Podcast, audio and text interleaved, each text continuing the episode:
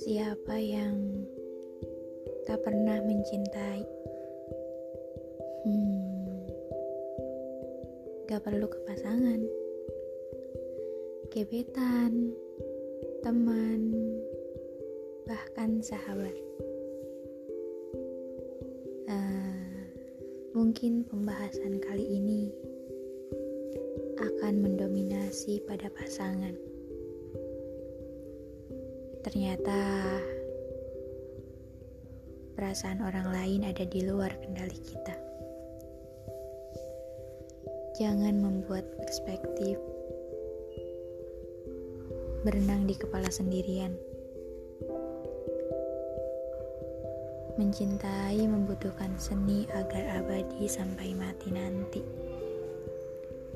Namun, kebanyakan orang yang belum mengerti betul tentang definisi jatuh cinta itu sendiri. Dan pada suatu hari, ada seorang teman bertanya, "Menurutmu, apa yang dimaksud dengan jatuh cinta merdeka?" Hmm, aku menjawabnya, diri sendiri pun belum tahu makna dari jatuh cinta. Mungkin suatu hari nanti, kalau aku sudah tahu, semoga bisa menjelaskan. Seni mencintai bukan tentang perasaan dari dua jenis kelamin berbeda yang harus terbalaskan.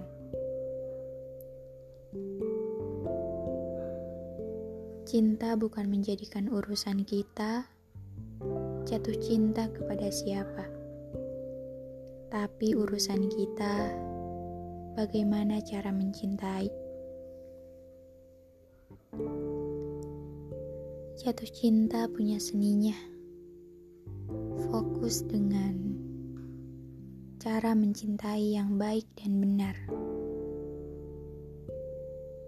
Dia harus dipelajari seperti seni. Kata Erich Fromm, cinta itu aktif, tidak pasif, tidak perlu menunggu takdir. Namun, ketika sudah mendapatkan, jangan diam harus tahu akan dibawa ke mana, karena jika tidak tahu, akan menjadi sebuah blunder bagi kita. Jangan jatuh cinta, namun dirikanlah cinta.